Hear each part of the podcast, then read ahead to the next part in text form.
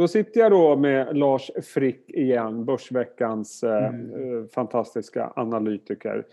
Vi ska inte prata rapporter idag du och jag. Eh, mm. Visserligen kom bolagen som vi ska prata om i rapport eh, tidigare i veckan hela gänget och det är alltså en eh, kvartett med bolag. Det är eh, Formpipe, Lime, Upsales och Fortnox. Eh, och Rätta mig om jag har fel, man brukar väl kalla det här CRM-bolag, Customer Relationship Management tror jag det heter.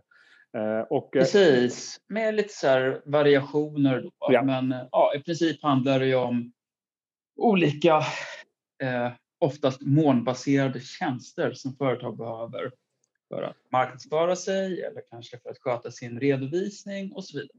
Och, och det sen, låter, ja. Du förklarar på ett väldigt, väldigt bra sätt tycker jag. Eh, för jag var inne på deras hemsidor här, för jag, jag är inte jättepåläst på det här måste jag erkänna. Jag har följt Fortnox lite grann. Och jag har väldigt svårt att förstå vad de håller på med när jag går in på deras hemsidor. Bara för att ta ett par citat. Formpipe bygger värdefulla relationer mellan människor och data. Upsales hjälper B2B-företag att hitta nya leads. För mig kan det betyda i princip vad som helst. Hur ser ni på den här sektorn? Um, ja, alltså någonstans får man väl någon idé om vad de gör. Men det är ju otroligt svårt tycker jag att särskilja. Mm. Det är lite samma problem som med IT-konsulter. Alla har seniora konsulter som jobbar agilt och som bygger värde med långsiktiga relationer. Och så håller det på så där och någonstans vill man förstå så här, vad är det ni gör? Eller vad är det ni gör annorlunda? Och det är tyvärr otroligt svårt eh, att liksom bena ut. Eh, och det där kanske också påverkar aktierna för att om vi ser på den här kvartetten då så har ju alla dubblats sen i våras. Oerhört stark utveckling. Precis. Det finns ju ändå skillnader. Om man ska lite så här grund, Fortnox, ja, det är rätt mycket småföretagsfokus man håller på med. Man tänker sig vad behöver man för IT-system om man eh, driver ett litet mediebolag till exempel. Ja, man behöver hjälp med redovisning. Eh, ja, CRM och kundrelation Uh, Lime, det är CRM, Formpipe, det är rätt mycket offentlig sektor. Det kan vara uh, automatisering av olika flöden. Så det är rätt mycket pappersarbete i offentlig sektor, inbillar jag mig. Jag jobbar inte där. Men i alla fall. Upsales, mer fokus på försäljning. Så där har man väl lite nyanserna. Allt är molnbaserat, så att man kanske kan säga att det du och jag gör just nu, Jesper, det är väl uh, opinion as a service. Vi är ett mm. OAS-bolag det här är SaaS-bolag. Okay. Software as a service. Så istället för att köpa en licens så präntar man på tjänsten. Ja. Och det skapar tydligen otroligt mycket värde. I varje fall om man ska ja, se till eh, multiplarna. Ja. ja. Uh, och, och, jag menar, det, det, går ju bra för dem. Jag, jag tog en, en titt på rapporterna som kom i veckan och uh, det är ju bra tillväxt överlag och det är bra lönsamhet överlag. Mm. Inte minst Fortnox tycker jag stack ut, inte mm. minst i Q4 men det kanske var mm. lite väntat. Jag såg att Lime var den aktien som jag tror eh, tog ett rejält kliv på rapporten. Men det var mm. inte så jättestora reaktioner. Så det, det, går ju uppenbarligen bra. Eh, mm. Så att eh, det finns ju helt klart värden de skapar för sina kunder. Visst är det så. Och det är ju tycker jag överlag bra bolag. Men jag är också lite rädd för någon sorts halo-effekt. Det finns ju en bok som heter The Halo-effekt. Man pratade om när man analyserar bolag som går väldigt bra, ta Apple till exempel, så tillskriver man bolaget massa egenskaper som kanske inte finns där, utan man tänker att det går bra, alltså är det bra. Och det här blir särskilt viktigt att komma ihåg när man tittar på bolag där själva verksamheten kanske inte är så transparent. Även om man inte är någon specialist på verkstad så kan man ju ändå förstå lite vad Sandvik gör. Coromant, okej okay, det är borrhuvuden. All, alla platser i världen måste borras minst Sandvik Mojäng. Och här är det lite luddigare.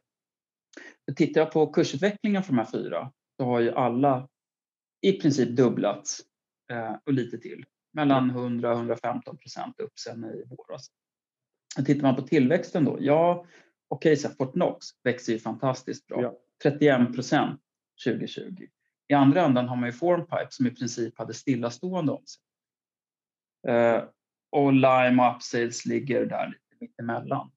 Eh, och det tycker jag visar att liksom, investerarna kanske har bara tänkt på vad är det för typ av verksamhet? Ja, det är SAS. Okej, okay, den aktien ska dubblas från redan väldigt höga multiplar. Eh, oavsett lite vad tillväxten är. Om man tar Lime då, fantastiskt bolag och sådär, men jag kommer ihåg när jag skrev om dem första gången när de introducerades, tyckte jag jättespännande sektor men de växer som branschen. Då kanske inte själva bolaget är så intressant. Det blir en väldigt dålig rekommendation. Avvakta. Eh, och aktien har ju gått som ett skållat sedan dess så det var ju verkligen tokfel. Eh, då har jag försökt att normalisera det här lite grann. Man, vanligt sätt att göra det är det PEG-tal då, lite gammeldags. Man delar P talet med tillväxttakten. Var hamnar vi då? Och det är en gammal tumregel att någonstans runt ett kanske är normalt. Just det, så har det varit. Nox då, ja precis, som ändå växer med 30 plus procent och har gjort så sedan 2014. Ja, de har ett PEG-tal på 2.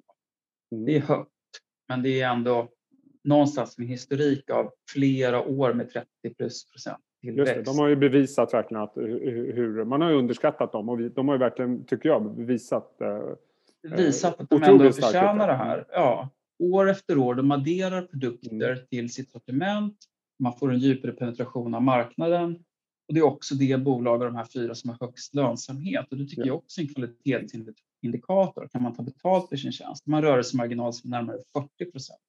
Lime är också bra, 24 procent och den stiger rätt snabbt. Det är lite yngre mm. bolag så att de har inte funnits lika länge som Fortnox och där tror jag att man ändå kan förutse en stigande trend. Då.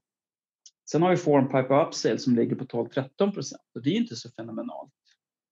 Stabilt. Om Formpipe inte växer så får de ett PEG-tal närmare 80 för alla de här handlas någonstans runt 80 gånger rörelseresultatet vilket är helt vansinnigt högt. Mm. Uh, upsales, ja, PEG-tal 8, Lime 5 gånger.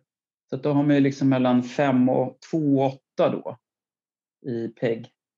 Och det är väldigt stora skillnader. Så just den här idén av att allt som är software as a service ska värderas upp lite oavsett vilka mm. resultat de, de presterar känns ju lite fel. Vi har köpt i Fortnox och avvaktar i de andra. Så hittills i år har det varit fel eftersom alla dubblats men jag kan ändå tycka att det känns lite vansinnigt när man går från redan väldigt höga multiplar.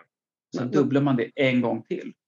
Eh, jag håller helt med dig vad gäller värderingar. Jag tycker generellt sett så, så pratar man inte så mycket värderingar längre. Mm. Uh, och, och PEG-talet kanske är mm. någonting från forna tider men jag tycker som du att det är en ganska bra indikator. Men samtidigt så är väl, uh, rätt med mig fel, alla de här bolagen med det de håller på med. Det, är också någonting som passar ganska bra för den tiden vi lever i med, med liksom digitalisering och vi har molnet och, och förenkla processer mm. och det har väl om möjligt förstärkts ännu mer mm. under den här pandemin. Så att det finns väl lite den där momentum-grejen som, som driver Absolut. det här. Och finns en förhoppning om att ja, men tillväxten kommer nog vara Absolut. hög längre än vad vi trodde ja. kanske för, för ett par år sedan. Ja. Det chansar jag lite grann här då, men, men digitalisering har ju funnits hos företagen före covid också. Det är ja. ett jättestarkt tema. Och att covid-pandemin har fått väldigt tydligt genomslag i, i digitaliseringsrörelsen, eller vad man ska kalla det, digitalisering, den här rörelsen mot mer digitala tjänster, mot onlineköp. Att det slår igenom i vissa segment mycket mer. Jag kan tänka mig dagligvaruhandel ett bra exempel. Där kanske man, många gillar, som jag då, att gå i en fysisk butik och se och klämma på varorna, men det går inte nu, alltså måste jag handla online. Men i business to business mellan företag så tror jag att covid-pandemin är mer marginell företeelse. Digitaliseringstrenden var stark redan innan och covid-pandemin har inte förändrat någonting i grunden. Men har du förstärkt den lite grann kan man säga? Den har snabbat förstärkt på den kanske, men det är liksom mer på marginalen. Mm. Och då blir det lite cirkulärt också tycker jag att säga ja, men titta det här bolaget som växer 40 procent. Uh, vad var det vi sa, det är ett fantastiskt resultat. Men det ligger ju redan i värderingen så att någonting annat än fenomenal tillväxt är ju misslyckande här. Ja. Um, och med de här multiplarna så, så tycker jag själv att då kanske man måste prestera mer än kanske 17 procents tillväxt som Lime eller med den värderingen? Ja, upsales som växer med 11 procent. Det är inte helåret då 15 procent Q4. Så det är, det är inte sådär så att man trillar av stolen direkt. Nej om man har en tillväxt på 10 procent och en värdering på 80 gånger rörelseresultat. Det är ganska många år innan man är liksom in the money på en sån aktie. Mm. Ja, eh, intressant. Eh, ändå... Men det, det, är klart, jag är gubbe. Jag fyllde 50 igår. Så att, eh, Jaha, grattis! Ja, förrgår. förrgår. Ja, visst. Välkommen. Jag har rätt att gnälla. Jag får, eh. jag får eh, gå omkring i sandaler och så får jag vara grinig. Så det kommer säkert vara fel. De här bolagen kommer säkert dubblas en gång till. Ja, på dig låter det som att eh, värderingarna har sprungit i kapp eh, mm. eh, det operationella. Precis. Så, ja.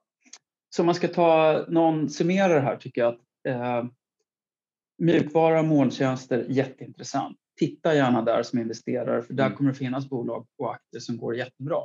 Eh, men inte sluta stäng, stanna där utan kanske gå vidare då. Som jag nämnde då, Fortnox växer ju ändå över 30% per år. Mm. Fantastiskt bolag. Det är rätt svårt att argumentera mot sådana siffror. De har ju gjort sig förtjänta av den här värderingen.